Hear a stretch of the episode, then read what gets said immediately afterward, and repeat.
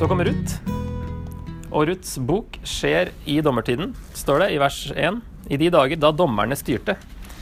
Så her får vi en sånn eh, lyspunkt i denne mørke perioden. Heldigvis. Det fins noen gode folk også. Og alle personene i Ruths bok er jo sånn veldig bra personer. Som eh, frykter Gud og vil gjøre det som er rett. Eh, ja, det begynner jo ganske sånn tragisk med De bor i Betlehem. Eh, og så blir det hungersnød, og så drar de til Moab. Det er Noomi og mannen hennes og sønnene deres. Og så gifter da ene sønnen seg med Ruth, sånn at Ruth er svigerdatter til Noomi. Og så dør han eh, Noomis mann. Og så dør de begge sønnene. Så er plutselig alle de tre damene enker.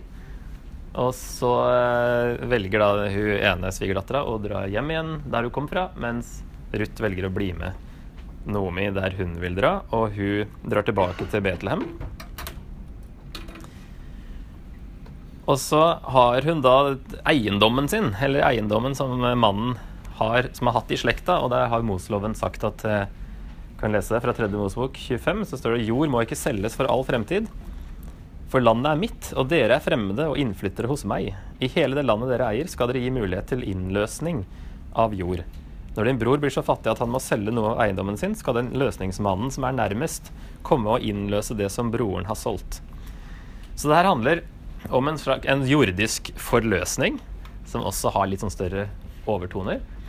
Men eh, Boas blir da denne løsningsmannen som, eh, som man eh, da, Den måten man gjorde det på, at man kunne ikke selge, sånn som vi leste nå, selge eiendom ut av eh,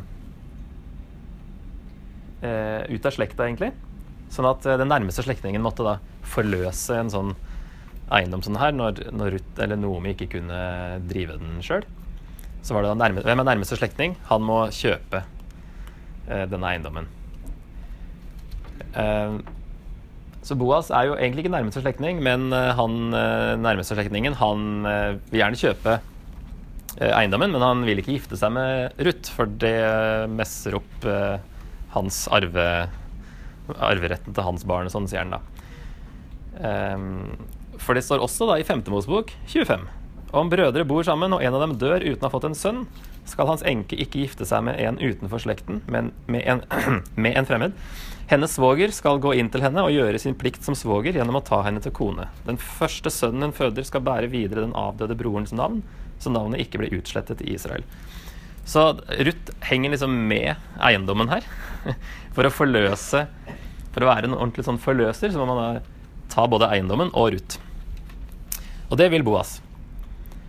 Så han eh, da kjøper eiendommen fra Noomi og gifter seg med Ruth, og ble da far til Obed, som da ble arving til eh, bestefaren sin eh, sin eiendom.